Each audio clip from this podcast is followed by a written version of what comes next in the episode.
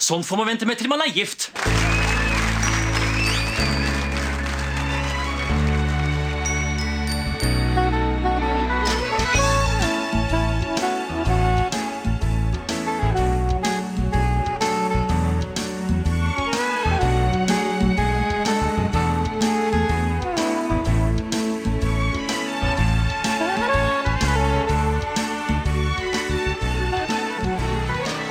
Velkommen til en ny episode av Norsk film filmpodkast. Podkasten hvor vi ser norsk film med et kritisk, men kjærlig blikk. Mitt navn er Emil. Jeg sitter her som alltid med. Stefan heter jeg. Og i dag sitter vi ikke her aleine, Stefan. Vi har med oss en eh, gjest. Ja, og Vi får jo alltid tak i de beste gjestene fra, liksom, fra øverste hylle. Og denne gangen her så har vi med en spesialist. En av Norges eh, fremste psykologer. Eh, liksom på samme linje som uh, Tor Langfelt og eh, hun derre Peder, Peder Kjøs. Peder Kjøs, Helene Montgomery. Eh, Jeg snakker selvfølgelig om Eh, Isak heter jeg. Eh, det var en veldig hyggelig introduksjon, eh, Stefan. Jeg kan kanskje ikke ta på meg alle de eh, flotte Jo, jo, men det kan du. Det kan du. Dette er en Ikke være, ikke være beskjeden. Dette er en podcast hvor vi er opptatt av framsnakking. At vi skal snakke hverandre opp og gjøre hverandre bedre. Og det er grunnen til at vi har med akkurat Hei, Pølsa Pettersen. Vi, er- vi heier på deg. Vi har, liksom, vi har lært det i boka di at det er noe man skal gjøre. Lag en fin dag. Og I dag, eh, Grunnen til at vi har med psykolog på akkurat denne episoden, er at vi skal ta for oss eh, en av norgeshistoriens få norske psykologiske thrillere, nemlig 'Naboer' av Pål Slettaune. Unnskyld. Kunne jeg be deg om en tjeneste? Jeg bor der nede, og så har jeg noe som er litt tungt, som jeg skulle flytta på. og så- Nei, ingen problem. Jeg kommer bort etterpå, jeg. Du har ikke mulighet nå med en gang? Du må være sterk som greier å flytte den der. Hvorfor tror du to temmelig vakre kvinner må gå til det skrittet å sette et tomt skap framfor ytterdøra? En mann, han vil inn Hvorfor vil han inn, da? fordi han er betatt av en eller, eller begge.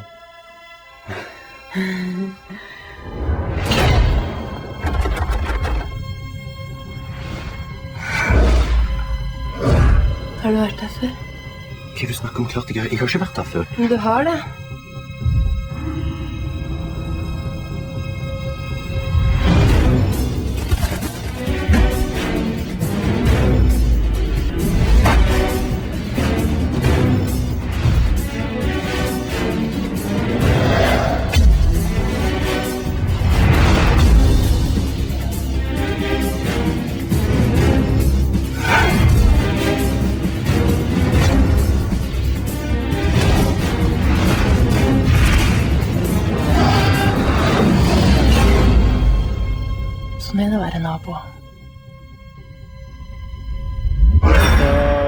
Du spilte jo inn at du gjerne hadde lyst til å være med på episoden hvor vi snakker om akkurat denne filmen. Eh, hva er forholdet ditt til naboer sånn fra tidligere? Eh, Det er jo en, eh, som du sier, en av de får norske psykologiske thrillerne vi har, som jeg syns er spennende å, analysere og se på nytt. Så vi er jo ikke, vi er ikke veldig vant til den type film i Norge. Så det er litt sånn spennende å ta den type film i podkasten. Og så er jeg egentlig en god gammel venn av Stefan, og, og også en, en eh, forholdsvis ivrig lytter av podkasten. Vi har jobbet mye sammen innafor liksom, Vi skrevet utredning på utredning og liksom kastet ball og på en måte fått til drevet mm. selskaper sammen. Og Og dere, Nå skal ikke jeg prøve å gå på eh, akkord med taushetsplikten, men dere møttes jo kanskje også da Stefan var hos deg i terapi, eller stemmer det? Det stemmer. Jeg vet ikke det er vel egentlig ikke lov. eh, Nei, det kan jeg ikke si. Det kan jeg ikke si. Nei, ingen kommentar. er- det er en del av de konfidentielle greiene. Og, og det, det er ikke bare det at denne filmen her er på en måte unik i norsk sammenheng pga. sin sjanger, men den er jo også ganske unik i Pål Slettaunes filmografi. For dette her er vel hans tredje film. Eh, Første filmen er 'Budbryggeren', som vi har en episode på. Og så lagde han 'Amatørene', og så kom 'Naboer'. Det er første gang han ikke har med Robert Skjærstad i hovedrollen, faktisk. Jeg tror ikke Robert Skjærstad hadde fungert så godt. Jeg tror ikke han, ikke han i, eh, som istedenfor Kristoffer Joner, som er den rare fyren. Han har jo litt sånne folk som spiser alle kaker rett fra boksen og Ja, jeg, jeg vet ikke, men jeg synes jo liksom der hvor budbringeren og amatørene er jo litt sånn der eh, sorte komedier, ikke sant? Litt sånn Cohen-inspirerte. Så føler jeg at her går han i en ganske ny retning, egentlig. At det er ikke så mye humor akkurat i denne filmen. Mye mer thriller og Men Er det sånn for dere psykologer at dere elsker psykologiske thrillere, eller at det er på en måte yndlingssjangeren? Jeg kan jo ikke svare for eh, hele standen, men eh, jeg setter pris på litt psykologisk eh, grøssing. Og Du hadde vel også litt sånn informasjon om eh, priser som denne filmen har fått. Eh, vi pleide jo å ha med priser tidligere i podkasten også, men nå har vi jo sett så mye film som ikke har vunnet noe som helst, så det har vært en stund siden sist. Men den her plukka med seg noen statuer under ja, Kristoffer Joner fant, fant, vant vel sin første Amanda-pris eh, for beste mannlige skuespiller her. Jeg er litt usikker på om han vant noen flere priser. Jeg tror ikke det. Nei, kanskje ikke. Vi får se kanskje om vi mener at den burde vunnet et par til. eh, Men dette her var jo kanskje også liksom i Kristoffer Joners sånn virkelig gullperiode. Han hadde hatt Mongoland i 2000, og så Villmark i 2003, og så denne. Og Kristoffer Joner var jo virkelig en sånn sentral leading man, vil jeg si, i norsk film eh, på starten av 2000-tallet. Fordi toppåret hans må jo være 2005. Da på en måte var en stor, sånn storveis. Og så fikk han uh, komme sist Revejakta seinere. Og så har han vel hatt noen filmer imellom der òg som jeg ikke helt eh, greier å huske. Men de var sikkert veldig gode, de òg. Bølgen og Skjelvet da, i senere De kom seinere. Ja, nå er han Kompani Orheim har han hatt. Og det er mye, mye snadder imellom der. Rik filmografi. Ja. Eh, og, og naboer er jo som I alle Pål Sletthaugene-filmene så kjenner du igjen liksom denne scenografien med liksom de der litt sånn ferskenfargene Ja, som liksom ligger i bakgrunnen. Og at det er liksom dystert og mørkt. At det er det og liksom eh, mye skygger og liksom grå toner og sånn i interiøret. Og det er en slags sånn farge, fargefilter over som er litt sånn eh, gråaktig. Ja. Eller sånn Heter det sepia, eller? Ja, sånn sepia. Den er liksom sånn Du kan sånt, Emil. det, det virker som den er litt sånn desaturert, eller at man har skrudd ned metninga på fargene, for den er litt sånn blass, men på en ganske vellykka måte. Der hvor Villmark er vel sånn blass mot sin hensikt, får jeg inntrykk av, så er det i den filmen her i mye større grad et stilistisk valg da som har blitt tatt. Ja, for det er Roy Andersson-blass, mens den uh, Villmark er DV-blass. Det er mer sånn reality-TV. blass. Det er real TV. Så Så, ja. altså, hvis, hvis du ser sånn i Naboer har jo veldig sånn Jeg syns det framstår veldig inspirert av på en måte type Polanski eller den type stiler da, i um, filmhistorien. Eller kanskje til og med litt sånn uh, Vertigo, ja. Hitchcock-aktig uh, elementer. Absolutt. øh, Liksom, også David Lynch òg, men, men, men det er jo en tydelig liksom, Polanski Polanski har jo den der uformelle leilighetstrilogien sin, ikke sant? som er 'Repulsion' og 'Rosemary's Baby' og 'The Tenant'. Som er filmer som har det til felles at de finner sted inni ganske sånn svære, men også litt sånn dystre, tyng, tyngende leiligheter. Og Dette her også er i veldig stor grad en leilighetsfilm, for vi er vel i den leiligheten til Kristoffer Joner og disse naboene i hvert fall 90% av spilletiden. Det er en kort scene hvor han er innom et kontor. Men resten av filmen innspiller seg da innendørs. da, i disse Han er vel aldri ute i den filmen. så lenge, vi ser vel han, De har vel aldri gjort noen shots ute av Kristoffer Jonis? Nei, nei, kanskje ikke. Han kommer kanskje inn gjennom døra. Det er et kort etableringsbilde. Vi kan jo kanskje begynne med, begynne med plottgjennomgangen. eh, Fordi filmen åpner med at det er en eh, kvinne som heter Ingrid, som skal inn i en eh, gammel bygård et eller annet sted i Oslo. Ja, Det ser ut som at det er på vestkanten et eller annet sted. For liksom det er en fin bygård. Sånn, eh, eh, sånn eh, fin fasade og Ja, men også litt sånn sliten. Ja, men tror du ikke Den har hatt sin storhetstid, men i dag så er det sikkert eh, 15 millioners leiligheter der. Fremstår litt sånn Frogner-aktig, syns jeg. Uraniborg eller altså litt den Mm. delen av Oslo. Ja, Man finner vel ut gatenavnene, som er sånn, sånn Svartsenkoff gate eller et eller annet sånt, som blir nevnt. Jeg har prøvd å søke opp det på eh, Google Maps, men det var en fiktiv eh, adresse. Oi, så Pål Sletthaug har vært ute og funnet på gatenavn. Det er jo, eh, det er jo morsomt. Og hun skal da inn til Kristoffer Joner, eh, som slipper henne inn i leiligheten. Og det kommer fram da at eh, Ingrid, som er spilt av Anne Bakke Wiig, eh, er Kristoffer Joners ekskjæreste. Og hun skal hente tingene sine fra leiligheten hans. Og det er liksom åpenbart helt fra starten av at dette har vært et brudd som kanskje er vanskeligere for Kristoffer Joner enn for Anne Bakke Wiig. Og hun konfronterer ham litt også. Som hun sier at du kommer ikke noe vei hvis du ikke tar tak i ting. Nå må du på en måte skjerpe deg. Dette er over. Du må prøve å gå videre. Og forteller også at hun har snakket om han til den nye kjæresten sin, som heter Åke. Har du lyst på noe å drikke, eller? Nei. Jeg skal bare hente tingene mine. Du kommer ikke til å finne de der. Jeg har pakket det ned, jeg. Jeg skal hente deg. Du må få deg et liv. Du kan ikke holde på sånn. Jeg har et liv, jeg, som alle andre. Vær snill, ikke røyk her inne, det vet du. Du kommer ingen vei hvis du ikke gjør et eller annet og tar litt tak i ting. Vi snakket om deg i går. Det var sånn jeg kom på at jeg måtte hente resten av tingene mine. Snakket om meg. Hvorfor det? Jeg har ikke lurt på hvorfor det ble slutt mellom oss. Jeg måtte jo svare. Ja, Så hva sa du, da? Jeg sa hvorfor. Jeg fortalte han det. Hvordan det var. Men syns du ikke jeg skulle det? Du har jo ingenting med å utlevere sånne ting til han. Det har jeg. Vi har bestemt at vi skal ha et sånt forhold hvor vi forteller hverandre ting.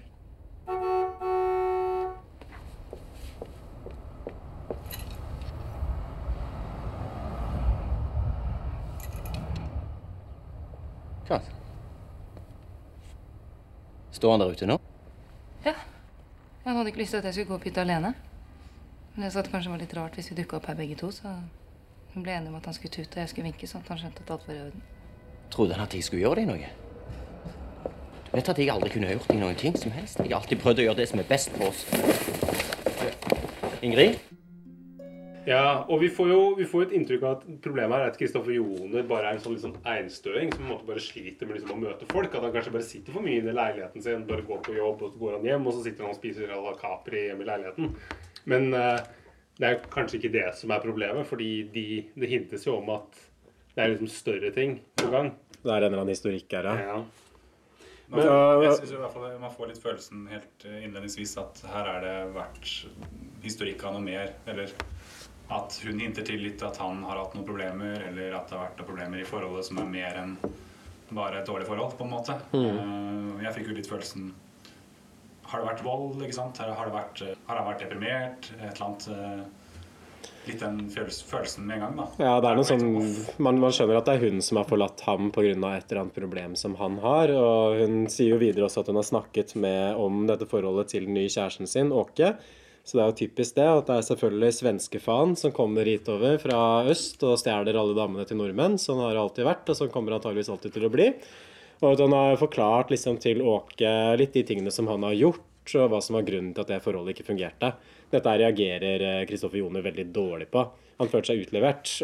Åke venter faktisk også i bilen utafor fordi at han ikke ville at hun Ingrid skulle opp og møte Kristoffer Joner. Vi må signalisere et eller annet med noen gardin eller åpne vinduer eller bare for å vise at du er der, at det måtte gå bra.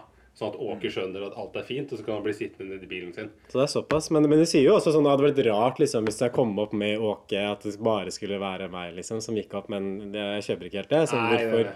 Kunne ikke han Åke blitt med opp? Det, er vel ikke ille at han sitter i bilen utafor. Han kunne bare blitt med i leiligheten, så kunne hun pakka ned CD-en og kassettene sine liksom, mens eh, mens Kristoffer Joner sto der. Og så kunne kanskje Kristoffer Joner og Åke tatt en prat. Det blir jo mer, Da menneskeliggjør du ham jo litt mer. Ja. Så hadde kanskje Kristoffer Joner tenkt at ja, Åke han virker som en grei fyr. det Høres ikke sånn ut. jeg vet ikke, Det er noen sånne navn som har et sånn drittsekkpreg, og jeg tenker Åke er kanskje et sånt navn. At jeg tenker ikke at det er en sympatisk person. Hva tenker du, Isak? At uh, hvis uh, Når du, du hadde når du har klienter, du har sikkert flere klienter som heter Åke. Nei, Svensker får jo ikke lov til å benytte seg av norske psykologtjenester, selvfølgelig. Så det, Ja, for de er jo best i verden. men det utvikler seg i hvert fall til en krangel da, mellom Kristoffer Joner og Ingrid, og så kutter kameraet, og så kommer liksom fortitlene. Og I neste scene så blir vi introdusert for eh, de naboene da, som er i tittelen til filmen. Du har eh, Cecilie Morsli, er det sånn man sier navnet hennes? Eller er det Morsli? Jeg har ikke peiling, men du er fra Nord-Norge i hvert fall. Ja, Som spiller den- eldre søstera Anne, og så har du Julia Schacht som spiller den yngre søstera Kim. Og Joner blir invitert inn i leiligheten deres fordi at de trenger å få flytta et skap. Ja, og når Joner går inn i leiligheten, så hører vi liksom sånn knirking av møbler som flyttes over gulvet. Liksom skraping over parketten. Eh, så det er åpenbart at de flytter liksom møbler vekk fra døra når Joner skal inn. Så har de barrikadert seg inn i leiligheten eller ikke. Det, det får vi jo vite etter hvert. Men det er jo sånn typisk norsk filmsyndrom her også, for det har folk som er i slekt, men som ikke snakker den samme dialekta. Ja. Det er vel gjerne en sånn ting man kommenterer, for at Norge er såpass lite land som man har så få skuespillere, så man må både ta en nordlending og noen fra Oslo for å få en familie til å fungere. Men Hvorfor kunne de ikke fått henne til å snakke østlending isteden? Kan det være meningen her, tenker Jeg jeg. tror kanskje det, for det er ikke så stort plotthull som det egentlig virker som Nei. først. Nei, det kommer kanskje dit etter hvert. Og så er det vel også litt sånn uklart om de faktisk er søstre eller ikke. At Ja. De sier jo i starten at de er søstre, og så etter hvert også så går de tilbake på det. Og de søstrene er liksom ganske sånn ja, Hvordan skal man beskrive det? Men litt sånn erotiske, sånn dominerende typer. Oppfører seg veldig sånn rart. For eksempel da Kristoffer Joner sier navnet sitt til dem, så sier de sånn 'Jeg veit det'. Eh, de snakker veldig så gåtefullt. Det er typisk at de sier først én ting, og så nekter de på det i neste setning. Så det er liksom vanskelig å bli klok på egentlig opplegget med dem. Og så er det sånn når Joner liksom Når han vil uh, gå inn i han vil, han vil gjerne For han skal bli bedt om å flytte deg i skapet. Og så sier han jeg skal bare låse meg inn i leiligheten min først og bare legge fra meg tingene mine. Og så er Kan du ikke bare komme nå med en gang? Nei, hva skal du gjøre i leiligheta di? Ja? Det er veldig sånn der, det er, hin- det er, liksom, det er veldig sånn, litt sånn seksuell uh, undertone her hele tiden. Det er litt sånn flørtete, men med en sånn, litt sånn dominerende undertone. Litt sånn mørk seksualitet. Ja. Og leiligheten deres også, Isak. Hva tenker du om den? Eller hvordan vil du beskrevet der hvor de bor? Eh, Det er jo veldig kaotisk. Mye søppel, ser det ut som. De har jo en haug med bord og stoler som står ved inngangen der, som er stabla til siden. Som om det ser ut som de nettopp har flytta inn eller skal flytte, eller Og så er det masse mel og noe greier. På kjøkkenet står vel en sånn tipakk med sånn kilospakker med mel. Det er lagra opp liksom proviant. Liksom, er, er det, tenker du at det er krig, eller er det, det er noe som skjer her? Det er litt sånn der hoarder-stil. Så Ja. også leiligheten også er veldig mørk. eh, Mens leiligheten til Joner har jo lyse vegger og er veldig ryddig.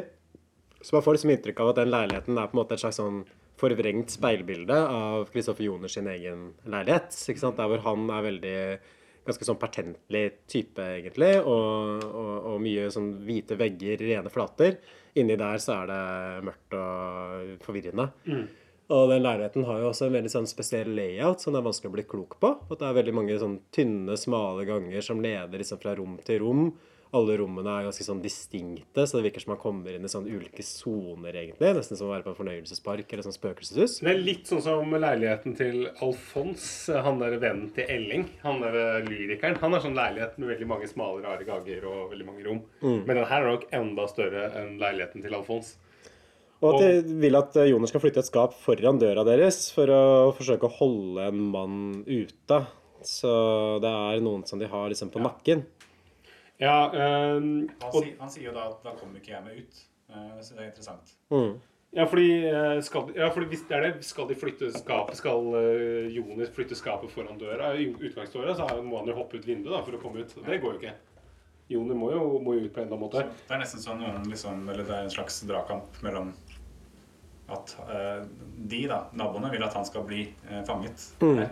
Ja. Så er han usikker på om han vil det eller ikke. på en måte. De prøver veldig hardt på å trekke han inn. da, ikke sant? Han er mer, litt sånn der avventende og, og ja, distansert på starten. Han sier jo hele tiden at han må hjem, og han må hjem. Og eh, det ender jo med at liksom, han, flytter, han flytter litt på det skapet. Så kommer hun Kim, hun søstera til hun nordlendingen, og sier at «Å, du er sterk som greier å flytte skapet. Og så blir han uh, bydd på vin, og så sitter han der med et sånn breddfullt glass med vin. At det, er jo, på en måte, det, er jo, det er ikke fullt før det renner over, som jeg pleier å si. og Det er jo det er jo sånn, sånn vinglass du gjerne vil ha når du er ute på, liksom, på den lokale restauranten din. Så det er drømmen å få så mye vin.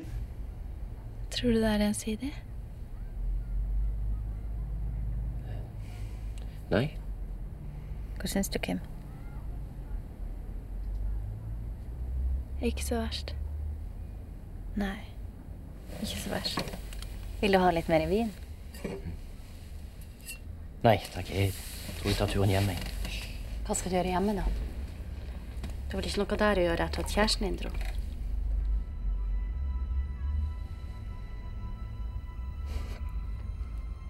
Hva mener du?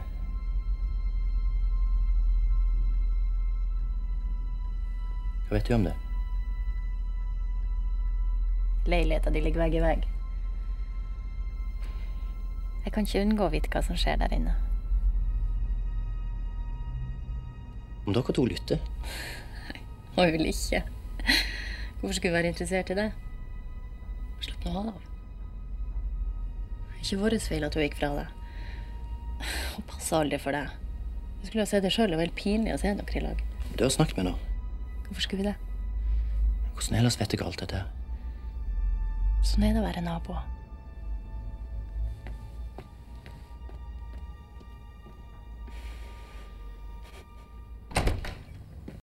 Uh, disse naboene vet også godt at kjæresten til Kristoffer Joner nettopp har forlatt dem. Og det viser liksom til at det er så lytt mellom leilighetene, så de liksom plukker opp informasjon.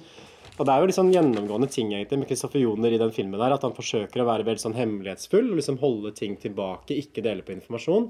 Og så er det folk som hele tiden invaderer på en måte hans privatliv, da, ikke sant? og som veit ting om han som han ikke vil at de skal vite. Jeg syns det oppsettet på filmen fungerer egentlig veldig godt. Jeg syns det er veldig sånn tight, effektivt. Det går sånn kjapt fram. Vet ikke, Hva var liksom deres uh, innstilling sånn i begynnelsen av eh, denne filmopplevelsen her? Det er veldig rett på, på da, med en gang. Altså, det er ikke noe særlig oppbygging av deres historie mellom han og Ingrid f.eks. Mm. Man kunne jo hatt en litt lengre, et lengre forløp der. og så den, den er ganske sånn raskt på å være ubehagelig. Det er ganske uvanlig egentlig liksom i thriller eller også psykologiske thrillere. At det på en måte går sånn rett inn på en ubehagelig scene med en gang. Eh, og den, det gjør den egentlig allerede i første scenen. Ja. Og det synes jeg er interessant. Det er noe litt sånn merkelig med hele altså, Alt er litt merkelig. Det er noe litt sånn off synes jeg, med hele introduksjonen. Alt fra Jon i første scene til disse naboene. da. Det er noe som på en måte ikke stemmer her helt. Og så er det vanskelig å vite om det er liksom at, at det vi ser, ikke er helt reelt. Eller om det er, eh, er noe veldig, veldig rart han blir dratt inn i. ikke sant? Det er et eller annet som skurrer, liksom. Og jeg synes jo man, man, man lykkes jo også godt med å etablere særlig Kristoffer Joner som en karakter. At han er en helt sånn typisk Kristoffer Joner-rolle. Sånn nevrotisk, fomlete type som har noe mørke inni seg, men ganske sånn rolig på overflaten. Men man forstår liksom at her er det liksom et eller annet som ligger og dirrer, ikke sant? og som risikerer å liksom blåse opp uh, når som helst. Og Videre så ser vi at Jonor går inn i leiligheten sin. Han ser på tingene til Ingrid, som fremdeles står igjen i en pappeske på gulvet. Og erindrer også at eh, Ingrid går rundt i leiligheten og egentlig bare sier navnet hans. Og, men han får ikke være i fred så veldig lenge, fordi Anne ringer på døra hans og vil at han skal passe på søstera hennes mens hun er ute. Hun forteller at søstera har blitt overfalt av han som bodde i leiligheten til Kristoffer Joner før Joner bodde der sjøl. Og så går han inn, og så får man en ganske sånn lang scene, egentlig, som er mellom Kristoffer Joner og Julia Schacht, da, som spiller Kim. Ja, og um, det starter med at Joner hører liksom sånne høye eksplosjoner. Og hva kan det være for noe? Jo, det er, uh, det er veldig hard musikk som uh, Kim sitter og hører på. Det er noe veldig bråkete musikk som bare er sånn støy, egentlig. Piggtrådmusikk kaller vi det. Og hun driver og kaster CD rundt omkring. Så igjen så etablerer man på en måte en sånn kontrast mellom disse to leilighetene. Fordi i starten av filmen så ser man jo Kristoffer Joner spille noe jazz. Uh, som er veldig rolig jazz. Og også tar liksom CD-plata rolig inn i omslaget, setter den der den skal være i hylla. Mens hun står bare og slenger liksom disse diskene rundt seg. Det er jo sånn, Hvis det er brennende CD-er, så kunne du gjøre det liksom, hvis det ikke var ordentlige CD-er. Mm. du hadde kjøpt for 179 på Free Record Shop eller noe sånt. Men det som iallfall skjer, er at eh, at hun begynner, hun, Kim begynner å utfordre ham litt på liksom, dette med kjæresten igjen, med Ingrid. Liksom, ble, du, ble du lei deg da kjæresten din bedro deg? Eh, og og Kristoffer Joner går jo igjen i sånn forsvarsposisjon og sier at nei, ja, men hvordan har, du, hvordan har du fått tak i Hvordan vet du dette her? Altså, er det, er det han, Du merker at han, han, han syns dette er invaderende. Han sliter med det her. Mm. Dette spillet liksom med sannhet og usannhet. ikke sant? At hun sier eh, at hun ikke har blitt overfalt likevel. At det var bare søstera som løy. ikke sant? Og, og, Hun sier at de ikke er søstre også. og prøver å forføre Joner, og så ender det opp med å liksom låse ham inne i leiligheten og stikke av med nøkkelen. Og så forsvinner hun liksom innover i disse korridorene. Og Kristoffer Joner må da drive og lete etter henne i dette liksom marerittaktige labyrinten da, som de bor i. Ja, For dere ungdommer som er, liksom, er mye på sånn tivoli og sånn, så er det liksom en slags sånn speillabyrint. Hvis dere har husket det, hvis dere har gått på Hugos tivoli for eksempel, så har de alltid en sånn speillabyrint. Ungdommene som er, henger på Hugos tivoli. er det ikke der ungdommen vanker der? Jeg ser dem alltid der, at det er det de henger. og Kjøper sukkerspinn og er skyter med liksom- børse og sånn. Jeg synes jo det, eh, Allerede i første scenen da, i, i eh, Jons leilighet så er det jo, man får jo følelsen av at det er en veldig stor leilighet. Mange rom. Ja, den er raus. Ja, veldig raus, ikke sant. Og og det er nesten enda verre hos naboene, hvor det på en måte bare, og senere i filmen også, bare det blir flere og flere rom og ganger, og vanskelig å skjønne hvor han er i, i, i det hele tatt. Så det, det er jo et sånn eh, virkemiddel, da. Ja, Det virker som det er en sånn umulig arkitektur. ikke sant? At det er sånn rom og ganger som ikke henger på greip. At du går ned en korridor og så forventer du å komme i et rom, og så er det plutselig et helt annet sted, og så er det andre korridorer igjen. Så kommer det aldri ut. Man går seg på en måte litt vill, da. Altså, det er vanskelig for han å finne veien ut igjen. Og så får vi en av liksom nøkkelscenene i filmen, fordi Kristoffer Joner kommer inn i et uh, nytt rom, uh, hvor uh, Kim sitter på en brun skinnsofa med en igjen sånn ganske sånn forførisk look. At hun sitter liksom med beina ganske spredd. Uten bh og litt sånn liten topp. Skal du låse mye ut nå? Alt nå? Begynner jo nettopp å bli litt redd. Jeg har liksom ikke noe her å gjøre, jeg. Så Jeg har vel egentlig ikke noe her å gjøre, jeg. Gidder ikke låse ut når du er så sur. Jeg er ikke sur. Hør på deg selv, da. Jeg er ikke sur. Hva vil du, da? Jeg vil snakke litt.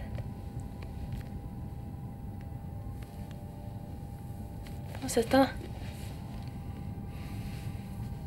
Sett deg. Sett deg.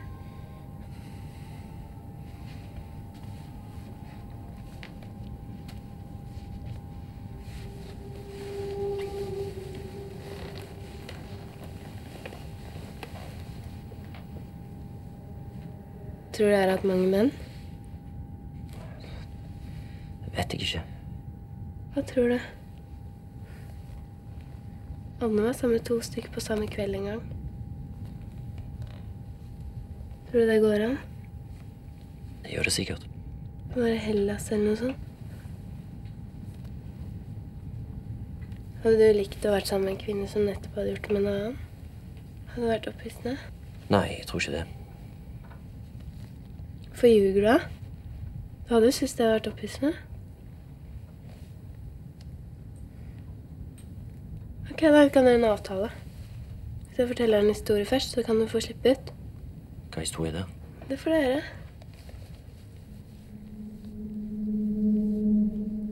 Jeg begynner nå, men du må lukke øynene.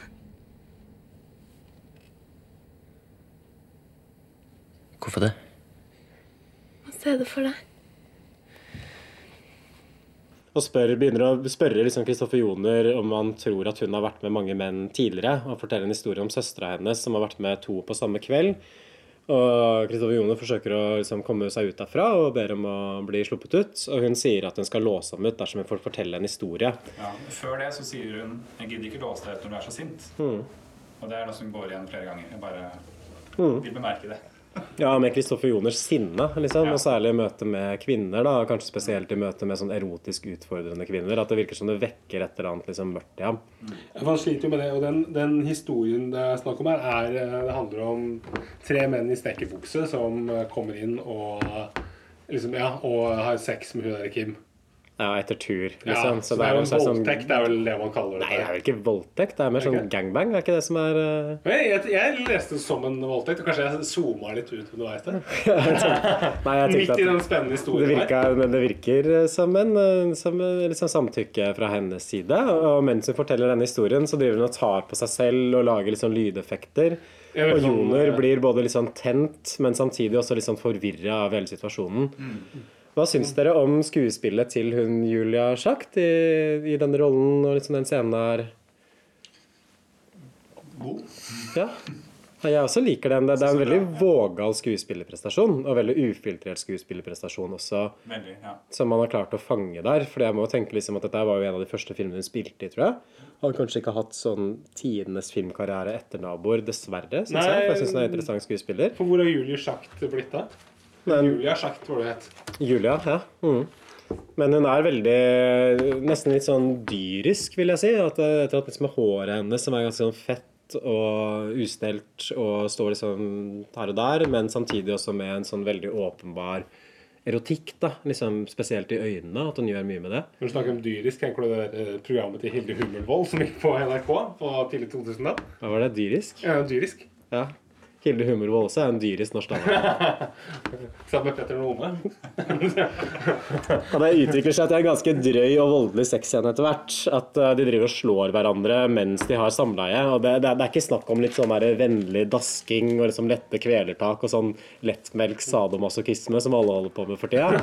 Dette her er liksom skikkelig harde knyttneveslag rett i trynet, ikke sant? så de begynner å blø fra ansiktene sine.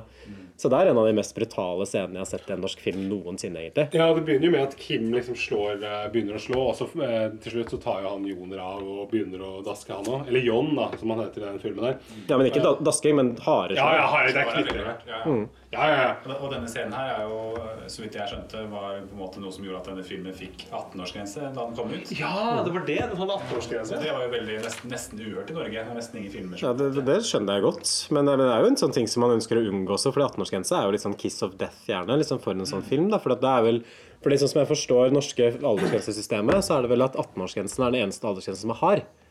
For 15-årsgrensa er liksom rådgivende, så da kan du komme inn selv om du er 12, kanskje hvis du er med en forelder. Men hvis det er 18-årsgrense, så må du være 18 år gammel for å kunne se filmen. Men ja, du kan ikke komme med forelder og være 16? Nei, jeg tror ikke det nytter liksom med en verge. For det, det, det, den, Nei, ikke med er- verge engang? Nei, den er definitiv, da. Jeg, kan- jeg, kanskje du Hvis drar seg på Hvis Saga onkel- Twin kino, kino Hamar, så er de villige til å gjøre et unntak. Saga Twin kino! Men det, det er liksom sånn der, du har jo den derre NC17-ratinga i USA også, som er også en sånn hard 18-årsgrense for rated R. Det er jo 17.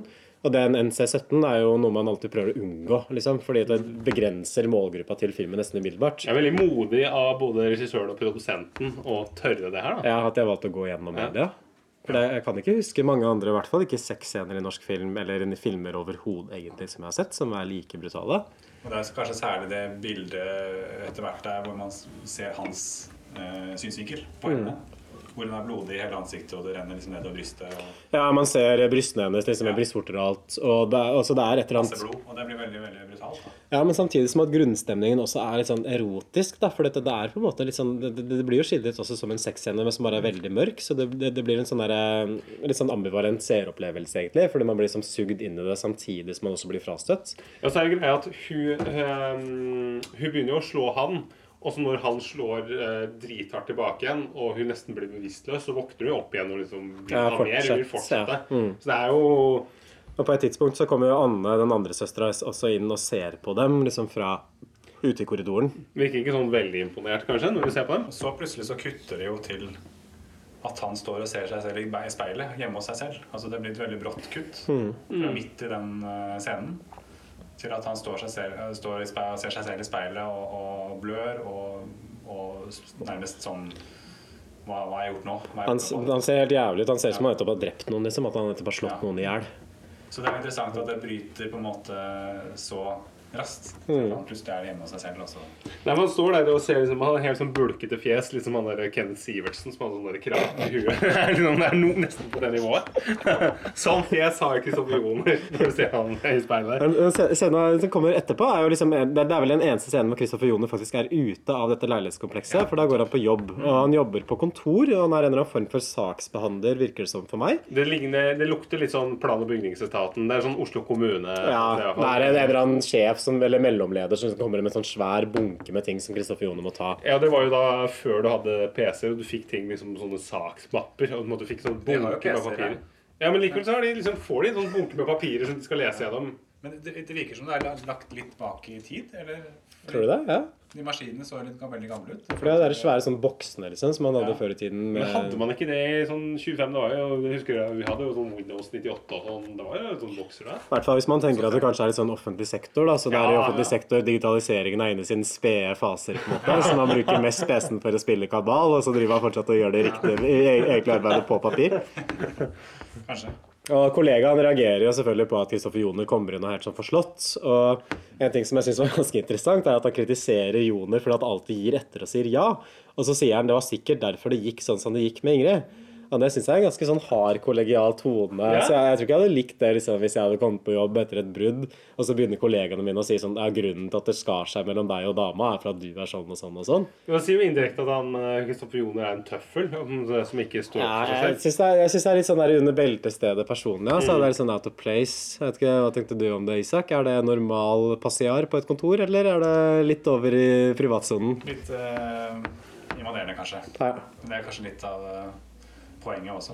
ja, men det er jo igjen det, det viderefører den tematikken også med at Kristoffer Joner hele tiden blir sett på ting som han ikke har lyst til å bli sett på. ikke Ja, for han syns det er ubehagelig. Han, Ja. han, Han vil holde, holde hemmelighetene. Og sånn, Han har jo liksom, han har en forklaring der. ikke sant? Altså, han sier at han driver flyttet flytter til et skap eller et eller annet sånt noe, og så, og så fortsetter han jo. ikke sant? Mm. Han, blir han kunne på en måte, Hadde han tatt inntil, da, så hadde han jo latt være å si noe mer, han eh, kollegaen. Eh, Så det er jo på en måte, det er, det er jo et slags tema der at han blir mer invadert. på en måte. Men du er vel mer sånn type, Stefan, som kunne kanskje kommentert sånn personligheten. At Ja, ja, det det er ikke rart at dama di gikk fra deg. Du tror snekk, jeg- Nå må du stå opp, nå når du er mer mannfolk. Hvorfor gjorde du det? Nå blir du sittende oppe i hele natt igjen. Går bra, det der. Ellers hadde han bare plaget noen andre med det. Du sier jo alltid ja. Det var sikkert derfor det gikk som det gikk med Ingrid, at du hele tida Snakker ikke om Ingrid. I neste scene så ringer Kristoffer Joner Opplysningen for å få telefonnumrene i etasjen der han bor. Eh, Det viser seg at det er ikke noen andre numre i den eh, etasjen. Eh, At det er bare han som er registrert. Og han legger også igjen en ganske sånn katastrofal beskjed på telefonsvareren til, til Ingrid. Eh, hvor han liksom vi har det mye bedre nå, kan vi treffes for å ta en kopp kaffe? Jeg satt og tenkte litt på den der Seinfeld-episoden hvor George legger inn en sånn dårlig telefonsvarebeskjed, og så må prøve å spore opp kassetten. Og liksom få Tror du det er en referanse som Pål Slettaune har? At han har tenkt på den Seinfeld når han har skrevet Jeg tenker jo kanskje det at det er, en, det, er det, det som er opplagt til valget, tenker jeg, når man prøver å bygge opp spenningen i en sånn der mørk psykologisk thriller. Hva med en liten Seinfeld-referanse? Eller Friends. For å videreføre plottet. Og vi får også et flashback til krangelen med Ingrid fra starten av filmen. Dette er første flashback av ganske mange, egentlig. Og hun viser fram et arr fra da Kristoffer Joner skal helte en kanne varm kaffe over armen hennes. Og forteller også at de hadde hatt sex etterpå, for første gang på seks måneder. At det virka liksom som at Kristoffer Joner tente på den voldshandlingen. Og Joner blir jo igjen sånn at igjen så går han i forsvarsmodus her og så sier at uh, til Ingrid at vi var jo enige om at dette var et uhell. Mm. Det det var ikke Men uh, Ingrid, etter å ha snakket med Åke, har funnet ut at dette var nok ikke noe uhell. Dette var noe Joner gjorde med vilje. Eller hva, John heter han. John gjorde det med vilje. Og, um, at eh, det er, det, er, det er vi ikke så veldig fornøyd med. Og, Jævla Åkas. Her er egentlig litt Ja, sånn på jordens sitt lag. Det er jeg at rart. nye kjærester som driver og synser om ekskjærester, syns jeg ingenting om. Ja, tenk hvis, du, eh, tenk hvis det, det har skjedd en ulykke, og så får du av den der eh, dritten her liksom så dårlig inntrykk av han John. Mm. Samtidig så er det noe med Hun, hun spør jo han hva, hva gjorde vi etterpå, og så sier han «Jo, ja, jeg kjørte deg til legevakta. Eh, Det var jo raust. Men så retter hun på han Nei, vi hadde jo sex. Først, ja. Og så legevakta. seks på et halvt år. Men det er spørsmålet er, er det fordi han eh, ikke vil eh, si det, eller er det fordi han eh, ikke husker det? Eller Ja, for da får vi også et litt sånn annet, annet hint i den scenen her. For den scenen her utspiller seg jo annerledes enn den scenen på starten av filmen. Fordi når vi ser scenen på begynnelsen, så er ikke det der med kaffeka- kaffekanna med. Og det viser seg jo at dette her er liksom ting som rett og slett har blitt klippet bort fra den opprinnelige scenen. Så det tyder jo også på at liksom han er ikke en troverdig forteller. da, ikke sant? At det er et eller annet med erindringen hans som kanskje er ganske sånn selektiv, og som blusser opp mer sånn mot hans vilje, kanskje. Og Ingrid forteller også at han hadde seksuelle problemer. Det kommer liksom tydelig fram. At hun ofte måtte kåte ham opp og fortelle historier om at hun har hatt sex med andre menn. Inkludert en historie som minner veldig om den historien som Julie har sagt fortalte tidligere. liksom Med de tre mennene som kom på døra, osv. osv. Det er jo interessant ikke sant, at den er så lik, da. For her begynner vi å tenke er det, Begynner vi å ane ugler i mosen? Ja, Man ser jo liksom at ting ikke er sånn som det ser ut til å være. da, ikke sant? Fordi det, det, det er jo et eller annet med den parallellen også mellom disse to historiene som ikke ville gitt mening på en måte hvis det var et sånn standard narrativ. Så det bygger seg jo opp til en eller annen sånn twist her. Eh, Vi kommer til å spoile filmen som et helvete, selvfølgelig, sånn som vi alltid gjør. Men jeg tenkte liksom, Nå så jeg filmen for andre gang nå, da, ikke sant? så jeg visste jo allerede at den twisten kom. Men jeg tenkte jo kanskje at allerede her begynner man kanskje å stille spørsmål ved på en måte hvor mye av det vi ser, er det egentlig som er reelt, og hvor mye er det som bare er Kristoffer Joners fantasi. Det er, det er første gangen det er åpenbart at her er det noe som skurrer. Mm. Før det så har det vært noen få tegn, men det er veldig sånn vanskelig å legge merke til første gang man ser den. Eh, her så er det veldig sånn tydelig at oi, her er det noe som ikke stemmer med det vi har blitt presentert. Men- og en cliffhanger til seinere er jo at vi skal diskutere om kinopublikummet i 25 hadde de samme tankene som oss, eller om man var annerledes da og ikke var opptatt av sånn psykologi på samme måten som vi er nå. Men, da eh, er vi jo eksponert for det hele tiden. Et, et spørsmål som jeg satt og tenkte på, er liksom sånn, blir det på en måte litt sånn for overtydelig? For dette er jo en sånn god gammeldags twist-film, ikke sant? Og mye av uh, Nei, da, da tenker du ikke på den twisten fra sånn uh, Freia med kokos Og ikke på og sjokolade, og men at det skjer en sånn omvending. Passe på seg på nå, for det er jo ikke bra i forhold til Ukraina-krigen. og Nei, jeg er Spist er veldig datert. Det er, Nes, eh, som eier den, er jo store interesser i russisk eh, kjøp Nidar ungdommer. Det er bra. Eller Kinder. Det er noe for dere. Er ikke Kinder også Model S? Alt er Model S. Ja, men Man kan kjøpe sånn, eh, sånn Runkerud gård eh. Jeg drar de runkerreferansen på nytt. for Det er roste der fra kaffen. helt sånn. Det er sikkert det er bra. vet du. Men Kakaoen den kommer ikke fra noe farlig land i det hele tatt. Den dyrkes sikkert på Runkerud. Jeg kan, jeg kan si en spoiler, spoiler alert at disse naboene, da naboene, disse naboene fins egentlig ikke. Så Mesteparten av filmen som man ser, er fra liksom, er Kristoffer Joners fantasi. Ja, som vi kan komme tilbake til senere. Så mesteparten er liksom Kristoffer Joners fantasi, og det blir jo mer og mer tydelig. Og man får også en, inn en sånn konfrontasjon mellom Kristoffer Joner og han Åke. Når han liksom tar opp dette med eh, kaffen, dytter ham inntil veggen. Så kommer Anne inn og sier noe sånn veldig sånn kryptiske greier. Du har allerede gjort det, husker du ikke? Du skulle ikke tatt livet av henne, du skulle ikke ha gjort det du gjorde. Og plutselig så er det inne i Joners egen leilighet igjen, og så går han inn på et gjesterom, og så oppdager han da liket til eh, Kim, altså Julia Schacht sin karakter, som ligger liksom på senga der. Ja, full med blåmerker, og liksom, det ser jo ut som om det er blitt slått i hjel omtrent. Mm. For det her begynner vel den illusjonen også å skrelles vekk. For da har jeg liksom inntrykk av at med resten av filmen nå, da ser man ting sånn som det egentlig hadde skjedd. da. Fordi vi ser nå f.eks. at Kristoffer Joner har satt skapet foran sin egen dør. Mm. Så det er han som liksom har prøvd å holde folk ute. Det var, også, Eh, det var også et annet hint som jeg husker ikke helt når det kom, men på, på et tidspunkt så ganske tidlig så ser han på soveromsdøra si hjemme hos seg selv. Og så Han titter bare bort på den, så ser vi den, og så går han videre. på en måte. Mm. Eh, og så seinere, på et eller annet tidspunkt, så tror jeg det er Kim som sier det. At når han ser på døra, så, ser, så sier hun 'Dit skal du ikke du gå', eller noe sånt. Det vet du at du ikke har lov til. Mm. Eh, Så det er et eller annet der som han på en måte har eh, innarbeidet at det Å gå over den terskelen, da bryter han på en måte den illusjonen som holder han litt gående. Ja, det er, det er flere hint tidligere også. For det er f.eks. en sånn scene hvor Det er vel første gangen, tror jeg, hvor han blir med inn i leiligheten til naboen. For da, da ser du bare Kristoffer Joner som går aleine inn. Så da er det liksom ikke de søstrene i, i, i, i bildet i det hele tatt.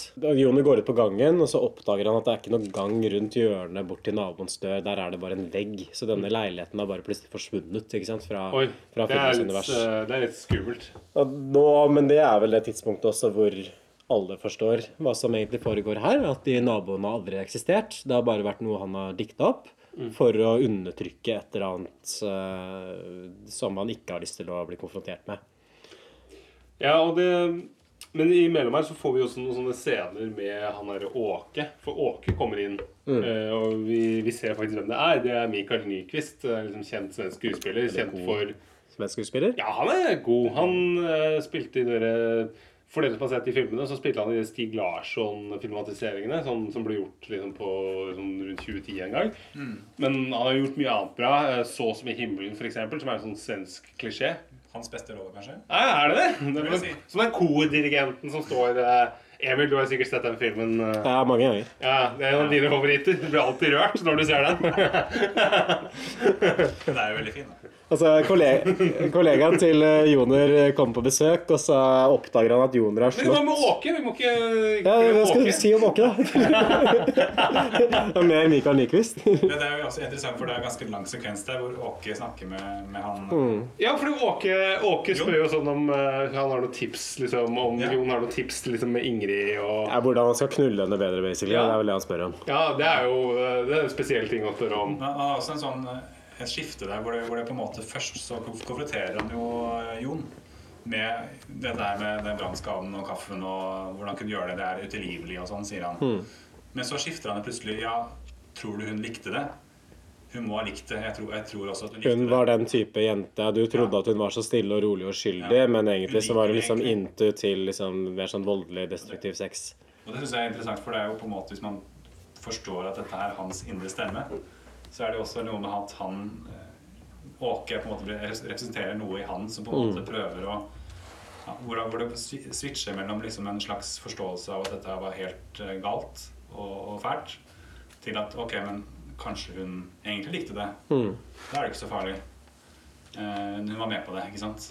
Ja, du det. forsvarer det da, for seg selv. Unnskylder seg eller kommer med en bortforklaring. Da. Men er det sånn, fordi den Åke-karakteren altså, Han er veldig sånn opp og ned Det, er på en måte det her, altså, han er veldig sånn opp og ned i humør hele tida. Går fra veldig aggressivt til på en måte veldig sånn Jeg tenker at han også er helt fiktiv. Alle de Ja, ja. scenene som vi ser mellom han og Kristoffer Joner, er eh, at han at, at, ja, ja, at hele karakteren egentlig er liksom at det stemmer liksom overens med at det er en person som heter Ja. Åke, som ser ut på den måten som Ja. han gjør. Han, han- finnes jo på en måte, men eh, Men jeg, men jeg tror all den interaksjonen som man ser mellom dem, det tror jeg er er påskudd. Ja. Men han fins jo ute i bilen der. Men hva, hva tenker du? Er, har Åke er liksom, Hva slags diagnose er det han har?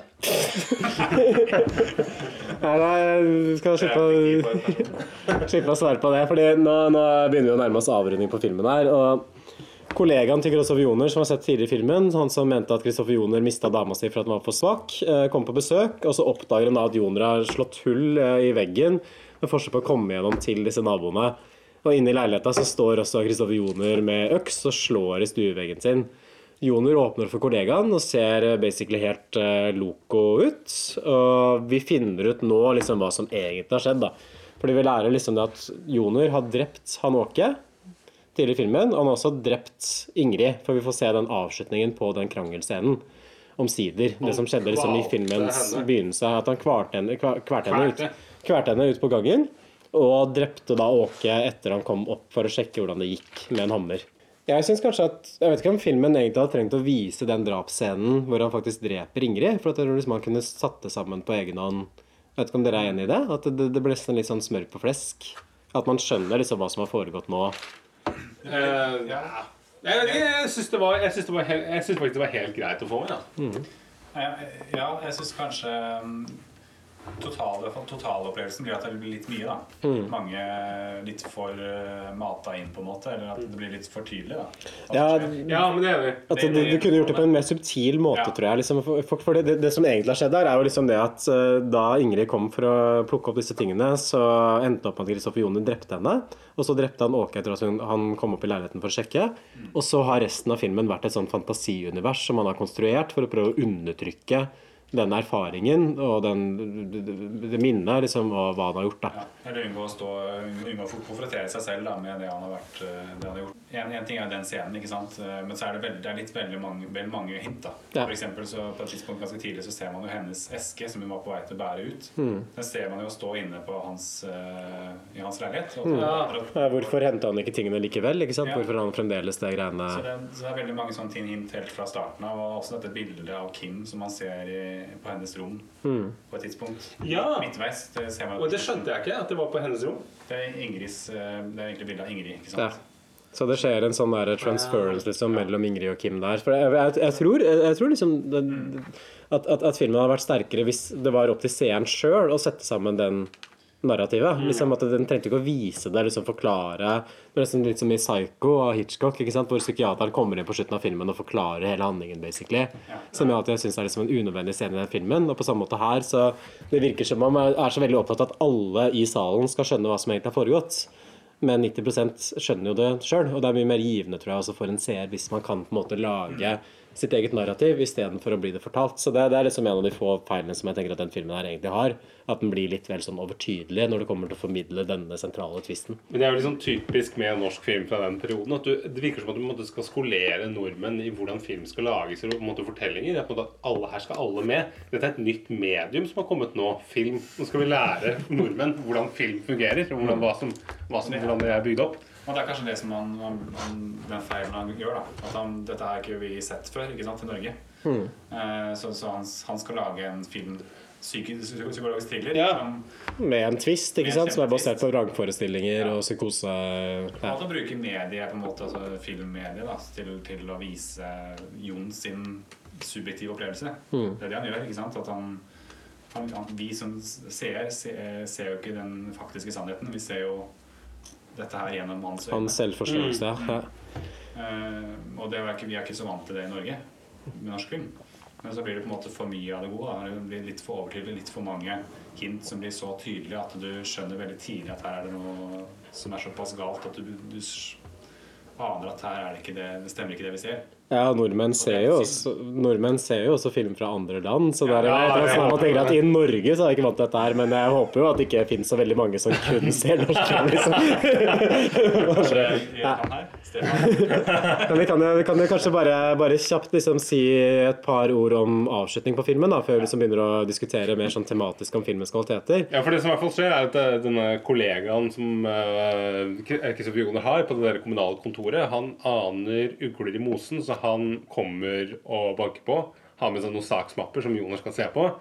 Og blir liksom sjokkert over at Joner har barrikadert døra med et svært skap som han måte må dra frem.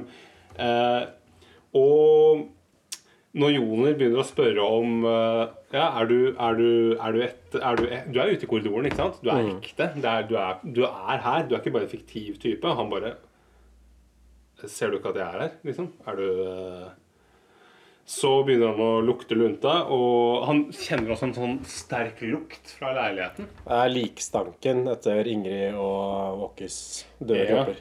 Fordi da parallellklipper vi litt sånn, hvor vi ser, eh, vi ser at politiet bryter opp døra, samtidig som Joner ligger i leiligheten med liket av Ingrid. Ja, og At han fantaserer at Ingrid fremdeles er i live. De snakker sammen. og Det er en sånn dialog hvor Kristoffer Joner sier sånn Ja, du veit at jeg aldri kunne ha skadet deg, ikke sant? At jeg aldri gjort noe mot deg sånn på ordentlig.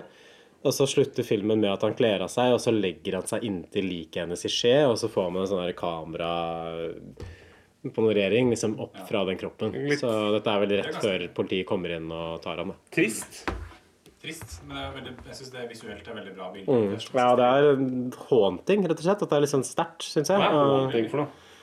At man blir litt sånn hjemsøkt av det. At, ja, hvis du sånn, skjønner hva jeg mener. ja. Liksom at det, det er sånn der minne det, for det Haunting high and low, som sangen heter. Nei, for, for det, det, det, er et sånt bilde som jeg på en måte har huska også Jeg så filmen først da den kom ut i 2005, men jeg huska liksom den avslutningsscenen og det bildet. Og det er ganske sånn imponerende liksom, hvis man klarer som en filmskaper å på en måte lage et sånt bilde som blir ved deg da, i mange, mange år.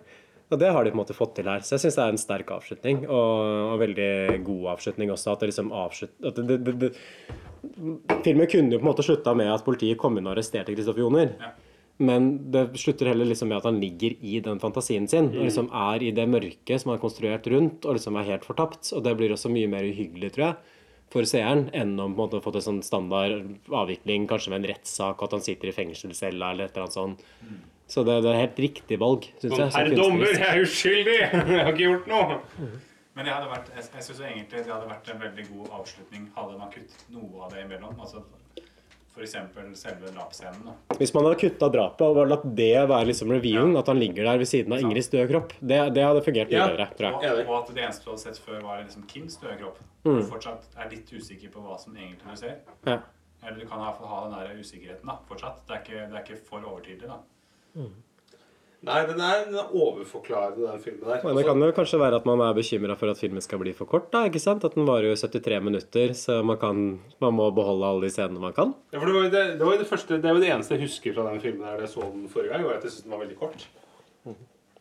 Men er ikke det greit? Så bare, jeg tenker at den filmen her, den hadde blitt mye dårligere hvis man liksom hadde hatt 20 minutter med padding. Mer scener liksom, med Kristoffer og disse naboene. Mer scener av han på kontoret eller som er ute og ferdes. Hvorfor skal alt være så Jeg langt? vet ikke. Kanskje det hadde hjulpet litt, for Det, det blir jo eh, Den er ganske intens, ikke sant? Mm. Den er hele tiden liksom inne i dette dramaet. og Hadde man hatt noen sånne oppbrudd, så hadde man jo lettere kanskje trodd litt på at dette her er eh, mer en sånn psykologisk manipulasjon, da. For du mener at filmen er liksom litt troverdig Altså, hvis du tenker at naboene, da, hvis man tenker at det kunne vært liksom en, en alternativ storyline, eller at man skulle trodd på at, eh, at dette var eh, en reell eh, Noe som skjedde han helt reelt. At det var noen som hadde eh, overvåket han eller manipulert han til å bli med på et slags spill eller seksuelt spill eller et eller annet.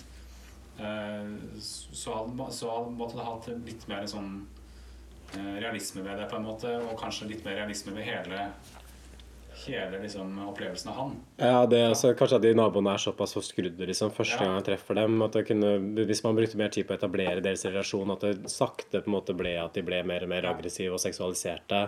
Og også han i virkeligheten, på en måte. Fordi Mm. du har nesten ikke noe, noe blikk av han etablert i den virkelige verden. Så jeg syns jo hele filmen, nesten, utover kanskje den lille eh, scenen på kontoret der, så, så er jo han veldig sånn borte, på en måte. Han virker litt off. Det er noe galt her, det er noe rart her, eh, hele tiden. Han er liksom en Dag Solstad-karakter. At han lever helt sånn utenfor samfunnet. Han er på ikke en del av Ja, men jeg er, liksom, jeg er sånn delt på det, for jeg liker Ja. på en eller annen måte litt også at filmen er som en slags sånn feberdrøm. ikke sant? At den, Ja. den har en veldig sånn der urolig tone, at de har liksom rendyrka det. Og så, men jeg ser jo poen- poenget liksom med at man kunne kanskje At man har levd seg mer inn i det, muligens, dersom det hadde fått en mykere start. Og at, Ja. at det går litt sånn fort over liksom, til at det der universet begynner å smuldre opp, liksom, for det skjer jo kanskje sånn halvveis inn i filmen. Men samtidig, jeg liker liksom godt det at den er så tight og fokusert på å bare skildre liksom denne sinnstilstanden. Mm. At det gjør det på en måte renere som et kunstnerisk verk, på en måte, da, for meg. Og hvis man ser på det som en mer som en sånn psykologisk drama, da, Mm. så er det mer interessant sånn. Sant? For, for hvis man skulle Hvis man en skulle trodd på premisset, da, at, at disse her er noen som overvåker han eller har på en måte fulgt ekstra med ikke sant? Og, og prøver å manipulere han, så på en måte er kanskje, kanskje på en måte det som egentlig er premisset helt i starten, at det er liksom, liksom det. Um, så måtte det vært etablert mer som en sånn litt mer realistisk, tenker jeg. Ja. Fordi det er så tidlig Det blir litt sånn tegne, tegneserieaktig på et vis. så åpenbart Ja. så tidlig at dette her er Mm. så off at du lurer på er dette stemmer dette, og så får du disse tegnene liksom allerede etter et kvarter eller hva det er. At dette her er ikke helt uh, på stell. Mm. Uh, men som et sånt Særlig når man ser det andre gang, så er det kanskje in interessant, syns jeg. For da uh, I hvert fall for min del så så jeg det jo litt med det blikket at han er jo ikke helt på plass.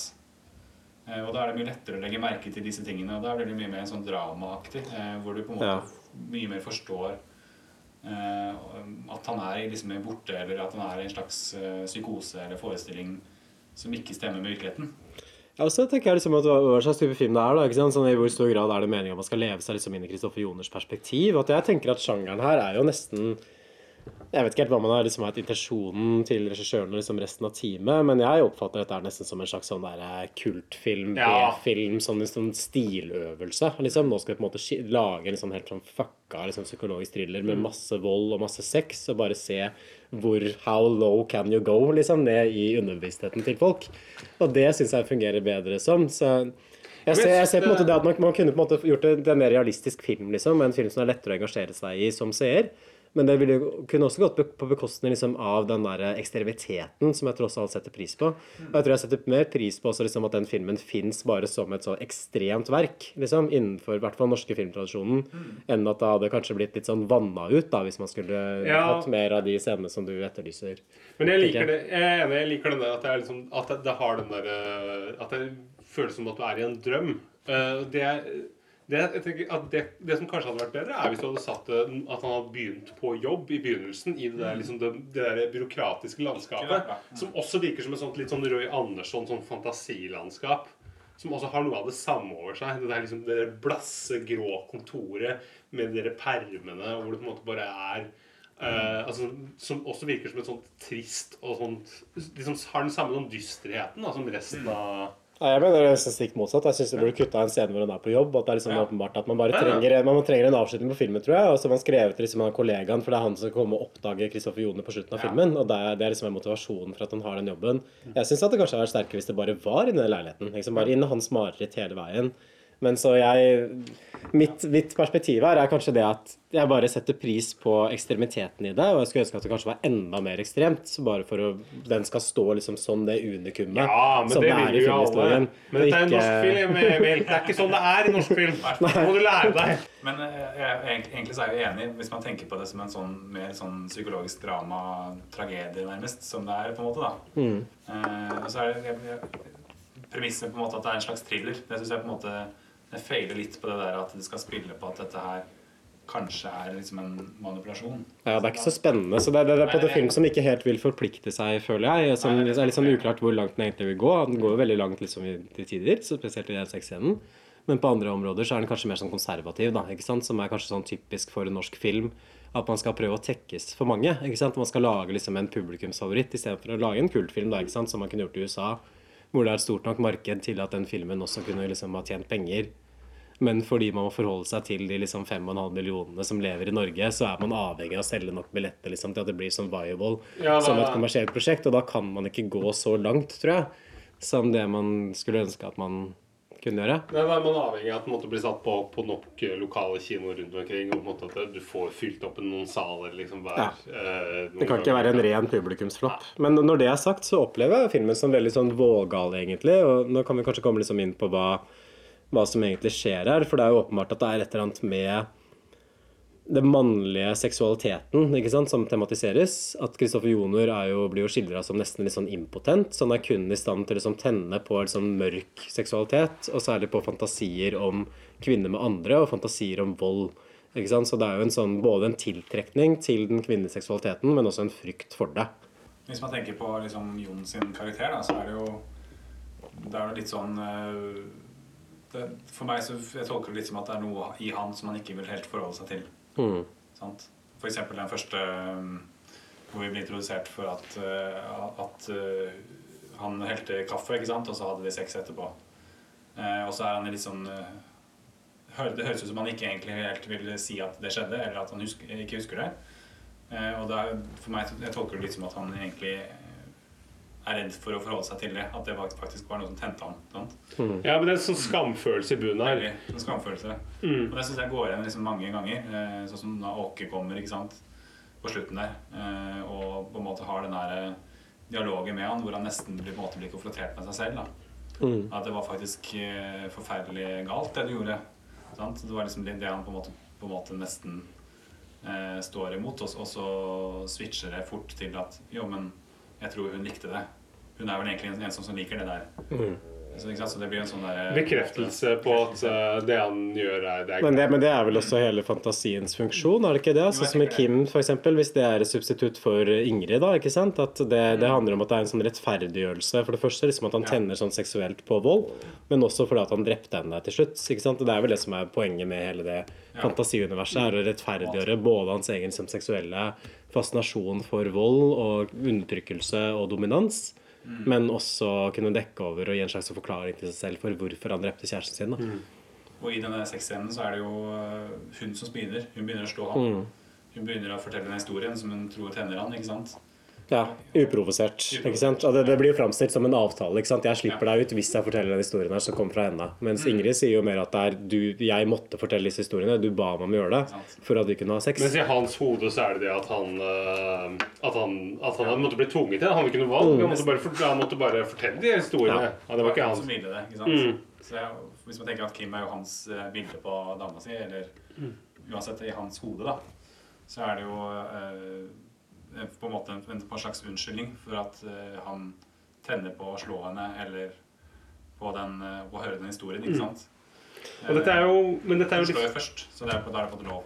Men dette er litt sånn uh, typisk, liksom, for dette, er jo spilt inn i 2005. Og, og, en, og det er den samme greia med at eh, de fleste av oss vi har jo på en måte gjennomskua liksom, at eh, allerede dette her med at dette er noe som foregår i hans hode allerede midt i filmen. Det er ikke noe vi på en måte blir overrasket over. Man bruker, man bruker veldig lang tid på å forklare noe som for oss er veldig logisk. Og da kan man jo spørre seg er dette samme den seksualiteten. Er det farga liksom, tidsånden i 2005? At, på en måte, Jeg tror kanskje det, ja. Fordi nå i dag så er man jo mer sånn der at man skal liksom bejuble folks seksualitet og Ja. liksom utforske det mørke. Mens det er jo en litt sånn repressiv film fordi filmen framstiller liksom seksualiteten hans som noe som er feil. ikke sant? Mm. Som noe han burde undertrykke. Han burde som er et seg. problem som han har. Han burde skamme seg. Man tar liksom perspektivet til f.eks. Ingrid, da, som blir framstilt som en offer liksom, i møte med hans seksualitet. Fordi filmen, både filmen, filmen sier jo at dette er noe du Og karakter, hovedkarakteren sier at dette er noe du skal skamme deg over. Den sier Og så psykologiserer det. ikke sant? Ja. At det er snakk om en, eh, en, en sinnsforvirring eller en sykdom eller en Det, det er noe som blir diagnostisert på ham. han. det er jo hans eh, blikk.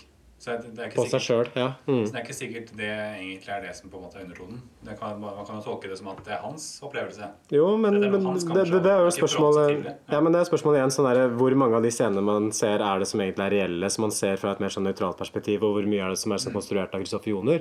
Men jeg tenker at den der eh, krangelscenen mellom han og Ingrid, den er på en måte en objektiv scene. Ikke sant? Dette er sånn det faktisk skjedde. Og hun tar og konfronterer ham da med at disse tingene som vi gjorde, det var ikke normalt. Ikke sant? Eksempel at jeg må snakke om eh, disse erfaringene for å få deg tent. Ikke sant? Det er noe dårlig at du tenner på vold. Og det tenker jeg da impliserer i hvert fall at det er et eller annet med på en måte filmens blikk. da som også sier at dette er en sjukelig form for seksualitet som egentlig burde undertrykkes, og som det er noe farlig ved. Mens nå i dag så er man kanskje mer på det at man burde eksperimentere sånn, eller er man det kanskje? Sånn er det, I hvert fall ikke fra et sånn mannlig perspektiv. da, Det er vel andre seksualiteter som kan dyrkes fram. For det er- Kanskje ikke akkurat den voldsdelen her. Det, det, er, det er kanskje det fortsatt er Ja, det er Men litt den, sånn den, den sier jo et eller annet liksom, om, om menns syn på kvinners seksualitet. Da, ikke sant? At vi har disse fantasiene Nå snakker jeg liksom på vegne av menn. eh, til Ja, du, du, er, som er, alltid du er mye i er du ikke? Nei, at man har sånne der horefantasier da, ikke sant, om det motsatte kjønn. Og det ser man jo gjerne sånn i pornobransjen, f.eks. At det er jo ofte veldig sånn fornedrende at man liksom dyrker sånn kvinner som ligger med alle, ikke sant, og som blir sånn undertrykka og som liker det. Men samtidig at vi klandrer liksom kvinnene hvis de lever opp til de fantasiene som vi sjøl har skapt. da. Ja, vi er er som moralister. er- eh, vi liksom, Ja, eller- Moralistene lurer i buskene. Vi, Vi er, både, vi er både veldig tiltrukket av kvinnelig begjær, men vi er også redd for det. ikke sant? Og det er vel det som er Kristoffer Joners problem. Vi har en slags sånn Og derfor, derfor reagerer han med vold. Da, ikke sant? Så at han, han vil både liksom at dama skal være løssluppen og være seksuell, men samtidig så vil han ikke, for det truer hans status. Og da blir løsningen da slå, ikke sant? eller være voldelig. Mm. Og så er det, vet ikke om dere kjenner begrepet kognitiv dissonans. Mm. Jeg syns det dukker opp litt her. Hva betyr det, Isak? Eh, Det er jo um, eh, Kort fortalt så er det jo det et, på en måte begrep, for ubehaget man kan oppleve hvis man eh, gjør noe som bestrider liksom, sine verdier, eller det man tenker er bra, er riktig, eller det man vet er bra, er riktig. Så hvis, eh, hvis jeg spiser pølse på Narvesen sju ganger i uka, selv om jeg vet at det ikke er bra for kroppen min Ja. Men det er vel også hvis man har to ulike tanker som strider mot hverandre, ikke Det kan sant? være, Eller, det kan være fantasi, eller det kan være Ja. verdimessig at dette er jo ikke bra. Mm. Sunt eller greit. Eller. Sånn det, det, det veldig enkelt eksempel er jo å røyke, for eksempel. Ikke sant? Ja. Um, De aller fleste vet at det ikke er bra, eh, men så fortsetter man å røyke, og da Hva sier du? Er det, usunt, er det usunt å røyke? Er det det du sier? Nei, shit, da Nei, det visste du ikke, Emil. Lærer noe nytt hver dag. Men det er vanlig å kjenne på det ubehaget mellom at man skjønner at det her er ikke helt bra for en, men så er det så er det Så gjør man det likevel, da. Ja, men så kan det kanskje sånn særlig komme opp i seksualiteten. da, ikke sant? Ja. Fordi seksualiteten er jo ofte at det er liksom en ting som man kanskje ikke helt velger. ikke sant? Man har en eller annen fetisj eller noe man tenner på. Og da har det jo fort liksom man har gjort at man reagerer med skam. da, ikke sant? Eller at man forsøker å bortforklare det eller rasjonalisere det. Og det handler jo litt om samfunnet også rundt, i hva som på en måte er naturlig akseptert, forventet. Også for han som når han har disse fantasiene, for eksempel, da, så, og, og ikke gjenkjenner det liksom i omgivelsene rundt, Mm. så vil det skape en dissonans, tenker jeg. Så det er jo et eller annet liksom at han konstruerer disse naboene for å gi et sånt utløp hvor de fantasiene Ja. skal være ok, men også som symboliserer det som noe veldig sånn ekkelt og farlig som man blir lurt inn i. Mm. For det er liksom det man, man vil gjerne på en måte komme med en slags unnskyldning da, eller forklaring eller bagatellisering eller for å komme seg unna dette ubehaget eller dempe ubehaget. Mm. Eh, og med røyking så kan det være mange årsaker, men det er mange ting man finner på. Det kan være at man sier at uh, jo, men en røyk er ikke så farlig, f.eks. Ikke sant? Eh, eller Eller de skal alle dø en gang uansett. jeg så- skal en gang uansett, Ja. ikke sant? Eller eh, jeg fortjener jo å ta en røyk, jeg jobba så hardt i dag, eller Ja, eller sånn Mange sånne ting, mange forfattere gjør. Eller med, eller med kvinnelig seksualitet. ikke sant? At det er greit for meg på en måte å ha en voldelig fantasi om kvinner, for de vil det egentlig. Det er det de liker. ikke sant? Så, ja, eller det er de som fikk meg til å gjøre det. Eller sånn kan vel være sånn greie med partnervold ofte. liksom At man slår en dame, og så prøver man å rasjonalisere at det var du som fikk meg til å slå deg nå. ikke ja, for du gjorde, eller, eller bare at du gjorde det og det, og da um, fortjente du å bli slått. Du Absolutt. ville det egentlig. Fordi du, måtte, du la opp til det. Du var irriterende. Det er, måte, det er på en måte å leve litt med det. da. Altså, du, du, du skjønner at det du gjorde, var ikke bra, men så finner du på en slags unnskyldning eller forklaring på at det ikke var så ille likevel. Så min teori er jo det at eh, det er hun Ingrid, altså kjæresten hans, som er eh, fiktiv, og så er det de naboene som er virkelige. Ja, så det er den vrangforestillingen at han har drept dama si. Og så Men tror jeg ikke du er At han enig finner opp den vrangforestillingen for å takle det at han syns det er så utfordrende å være med de damene og liksom ha sånn sadosex og sånn inni leiligheten Jeg Men tror ikke du er enig med gjengen i Montasje, f.eks., eller andre sånne filmsnobbemiljø. Hei til dem. Hei, hei, hei, hei, Montasj! Hyggelig at dere hører på. Hvis du også tenker at liksom, Han har jo faktisk drept henne her ikke sant, helt i starten av filmen. egentlig Mhm. Og at alt som skjer etterpå, er på en måte en fantasiforestilling. Og så glipper det liksom litt inn sånne momenter etter hvert som på en måte er, sånn, er tett på eh, virkeligheten. da Mm. Eller på det han husker. Ikke sant? Og så prøver han å fortrenge det som egentlig har skjedd. Eh, så er det liksom sånne øyeblikk der hvor det blir sånn ekstrem kognitiv dissonans, tenker jeg da, som på en måte prøver å forklare Ja, vel, det er vel det som rakner det for han til slutt. ikke sant? Han er ute av stand til å opprettholde det fantasiuniverset sitt. For det er ting i det fantasiuniverset også som begynner å liksom sprike mot Som spesielt igangsettes liksom av den der fantasien om den voldelige sexscenen med Julie har sagt. ikke sant? At det får konsekvenser også i dette narrative universet, og så ender alt opp med å bare falle fra hverandre. Det er du som er John, ikke sant? Jag åker. Har inte Ingrid berättat att vi... eh,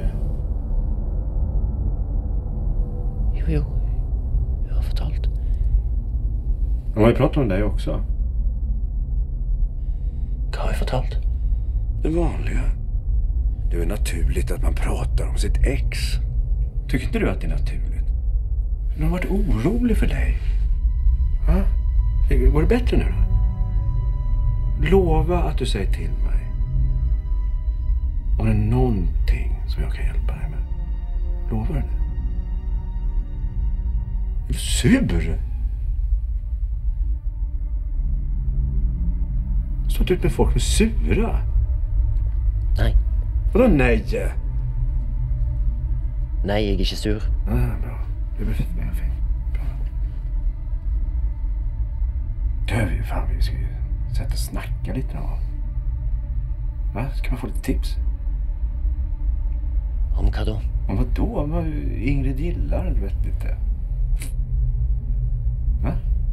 Så jag lär känna lite mer.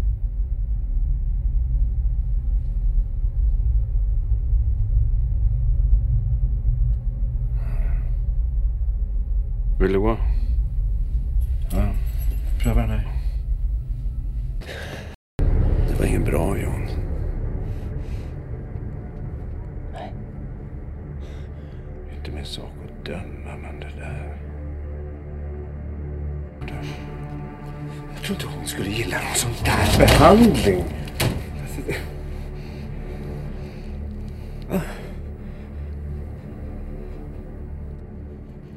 Jo, jag fick en känsla av att hun tände på det där. Fick du också en känsla av det? Va? Men gud, du har haft fel hela tiden. När ni var tillsammans. Hon var inte den lilla oskyldiga varelsen. Eftersom du trodde. Nej. Hon tyckte om det där ute. Hon är en sån. Hon tyckte om det, ja. Vilkaste du varit med om. Sant. Det er ikke noe å være redd for, Jon. Det er for seint. Du har allerede gjort det. Er det, er det på en måte sånn realistisk framstilling av den type vrangforestillinger? Skjer det faktisk at folk ser for seg liksom helt andre personer som ikke eksisterer, steder som ikke eksisterer, og liksom er inni en sånn fantasi kanskje timevis, dagevis i strekk, da, som det virker som at Kristoffer Joner har vært inni her? Altså, det er jo vanskelig å vite helt hva vi ser, for man kan jo tolke det som en slags feberdrøm, eller at han, eh, han er så borte at han, han er liksom i en uttakstilstand, kanskje ikke spiser og drikker og sover og, og våken og, og har liksom delir, eller altså at han ikke liksom er til stede og Og det, delir, det, det er vrangforestillinger, liksom? Ja. Delirium, er det det? Er det Ja, at du liksom eh, du, får, du går liksom inn, inn og ut litt av, av den derre eh, vrangforestillingstilstanden, og, og, og, og om det på en måte er eh, fordi han ikke spiser, eller fordi han ikke sover. Ikke sant? Man vet ikke om han ikke sover eller ikke. Eh, og og da, det, da, er det lett at man går liksom litt inn og ut av en sånn fantasitilstand og usikker på hva som, er, hva, hva som skjer og sånn. Um, og eller om dette på en måte er mer som marerittaktig for å bearbeide det som har skjedd. da. Men sånn som- Man kan tolke det liksom som mareritt, tenker jeg mest, da. Jeg synes også Fight Club, for eksempel, for det er også en sånn annen sånn twist-film. For da viser det liksom at han, han Tyler Durden-karakteren er sånn helt oppspinn. Men da har jo han Edward Norton, hovedpersonen i filmen, liksom gått rundt og forholdt seg til den karakteren her i flere måneder i strekk. Kan folk gjøre det? Liksom At man ser for seg et menneske som ikke fins, og at man Det- det kan tror at det er en ekte person som man går rundt og forholder seg til. Det kan eh, skje. Ja. Det kan det at man ser liksom at jeg ja, For Stefan for meg da skulle liksom vært en fiktiv konstruksjon. At egentlig så sitter jeg bare og snakker til meg sjøl på den podkasten her. Det er, det er mulig. Det er klart at det er mulig, eh, men altså det er jo, alt er jo subjektivt på en måte, så man kan jo ikke, jeg kan jo ikke si eh, eksakt hvordan det ville vært for deg å oppleve Stefan som en fiktiv person eller ikke. Mm. Hvis du skjønner? Men det Så kan skje. Så man kan, jo, man kan jo si det sånn at hvis, hvis du sier til meg at du opplever det sånn, så vil jeg tro på deg.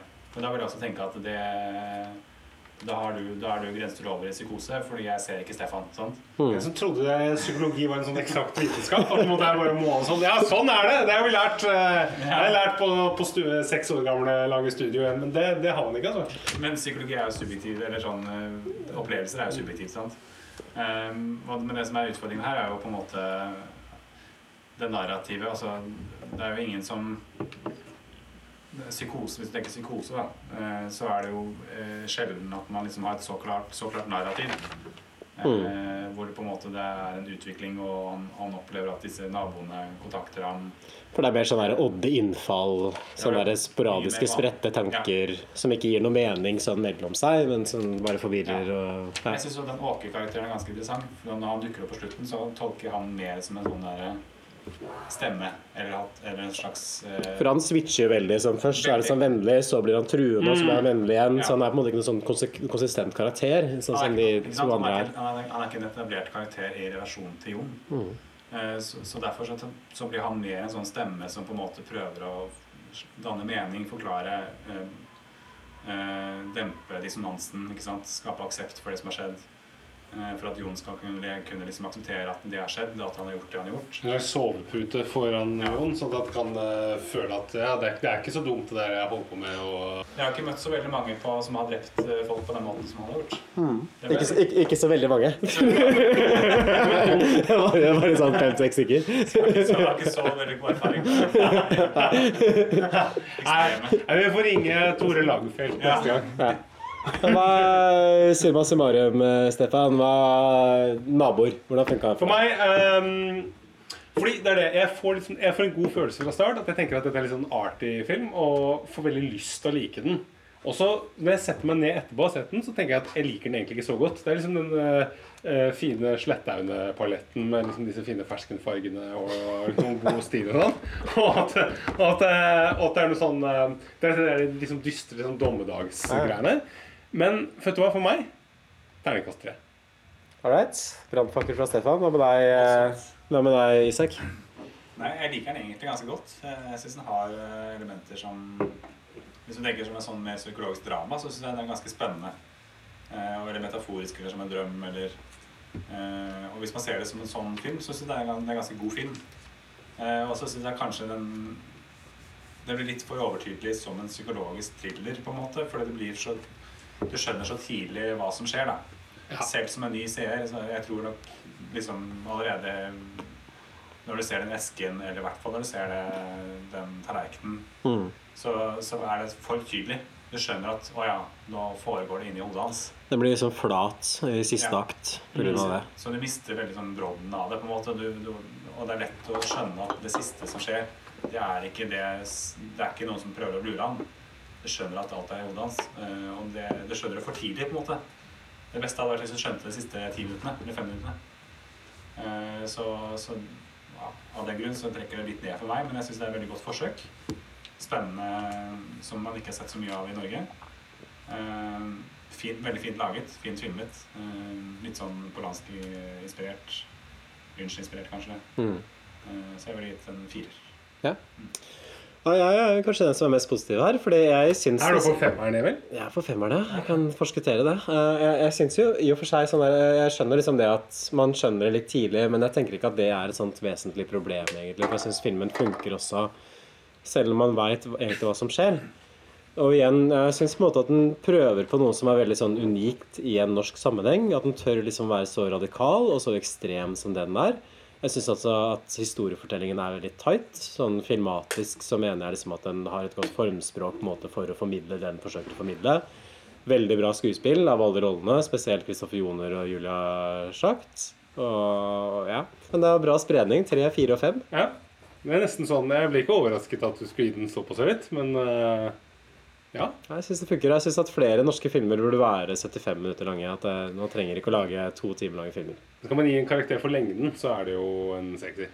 Men uh, skal man gi en karakter for filmen, så er den er litt dårligere. Karakter for lengden, og det brura så det. Du kan spøke, du. Morsom fyr. Kutt, kutt, kutt, kutt. Nei, det er sånn, eh, Alle ungdommene som sitter og hører på oss, de syns sånne vitser. De elsker jo det. Ha det bra!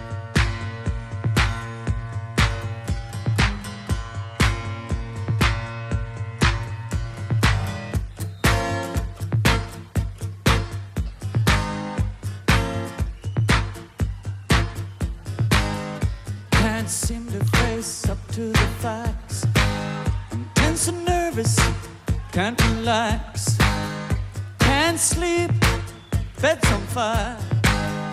Don't touch me, I'm a real live wire. Psycho killer, qu'est-ce que c'est? Fa, fa, fa, fa, fa, fa,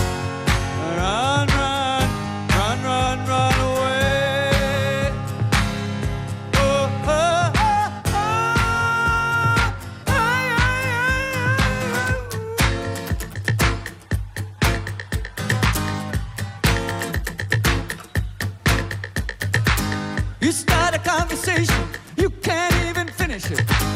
You're talking a lot, but you're not saying anything. When I have nothing to say, my lips are sealed.